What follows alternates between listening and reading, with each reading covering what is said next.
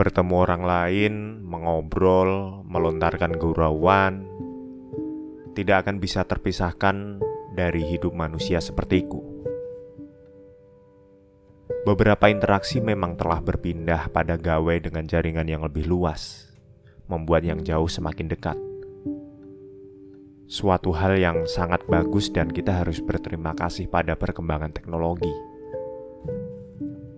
Namun, tetap saja interaksi secara langsung terasa lebih manusia ketimbang dilakukan secara virtual.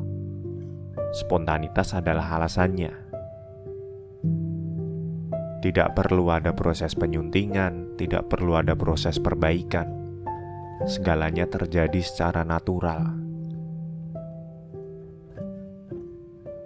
Hanya saja dalam beberapa kejadian, hal yang natural ini sungguh sangat menjengkelkan. Beberapa waktu lalu aku ditanyai seseorang yang merupakan teman lamaku. Cukup lama kami tidak bertemu sehingga pembuka dari percakapan kami tidak lebih dari sekedar basa-basi. Kami saling melempar pertanyaan. Aku memberinya pertanyaan tentang kabar, bagaimana kabar dirinya, bagaimana kabar keluarganya. Mengingat temanku ini sudah berkeluarga. Dia membalas singkat dengan kata "baik", lalu melempariku pertanyaan yang langsung menusuk. "Kamu apa kabar? Kapan mau menyusul untuk berkeluarga? Kapan mau menikah?"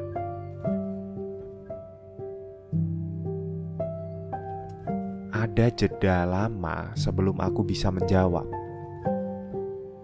Di kepalaku, aku berpikir keras Bagaimana aku bisa menjawab pertanyaan ini? Pertanyaan yang sebelumnya tidak pernah aku temui kunci jawabannya. Pertanyaan yang aku sendiri tidak mengerti apa jawabannya. Kenapa sebuah pertemuan dengan seorang teman harus dimulai dengan pertanyaan seperti ini? Bukankah lebih baik bagi aku dan temanku ini membahas topik ringan, seperti topik masa lalu di mana kami sering bersama melakukan kebodohan semasa sekolah dulu? Kenapa harus pertanyaan tentang masa depan yang aku saja tidak tahu harus menjawab apa? Kapan-kapan, jawabku dengan enggan. Aku harus segera mengalihkan topik dengan pertanyaan lain. Aku tidak ingin membahas hal privat yang begitu rumit semacam itu. Aku baru saja selesai dengan masa laluku. Aku berusaha untuk bisa berdamai dengan itu. Saat ini aku sedang disibukkan dengan memperbaiki hidupku, dan aku rasa memikirkan hal-hal yang bahkan belum ada di rencanaku akan menghabiskan tenaga dan juga waktuku.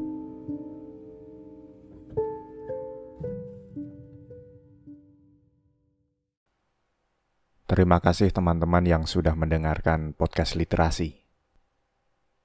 Untuk teman-teman yang ingin berkontribusi dengan perkembangan podcast ini, silahkan klik tautan di deskripsi.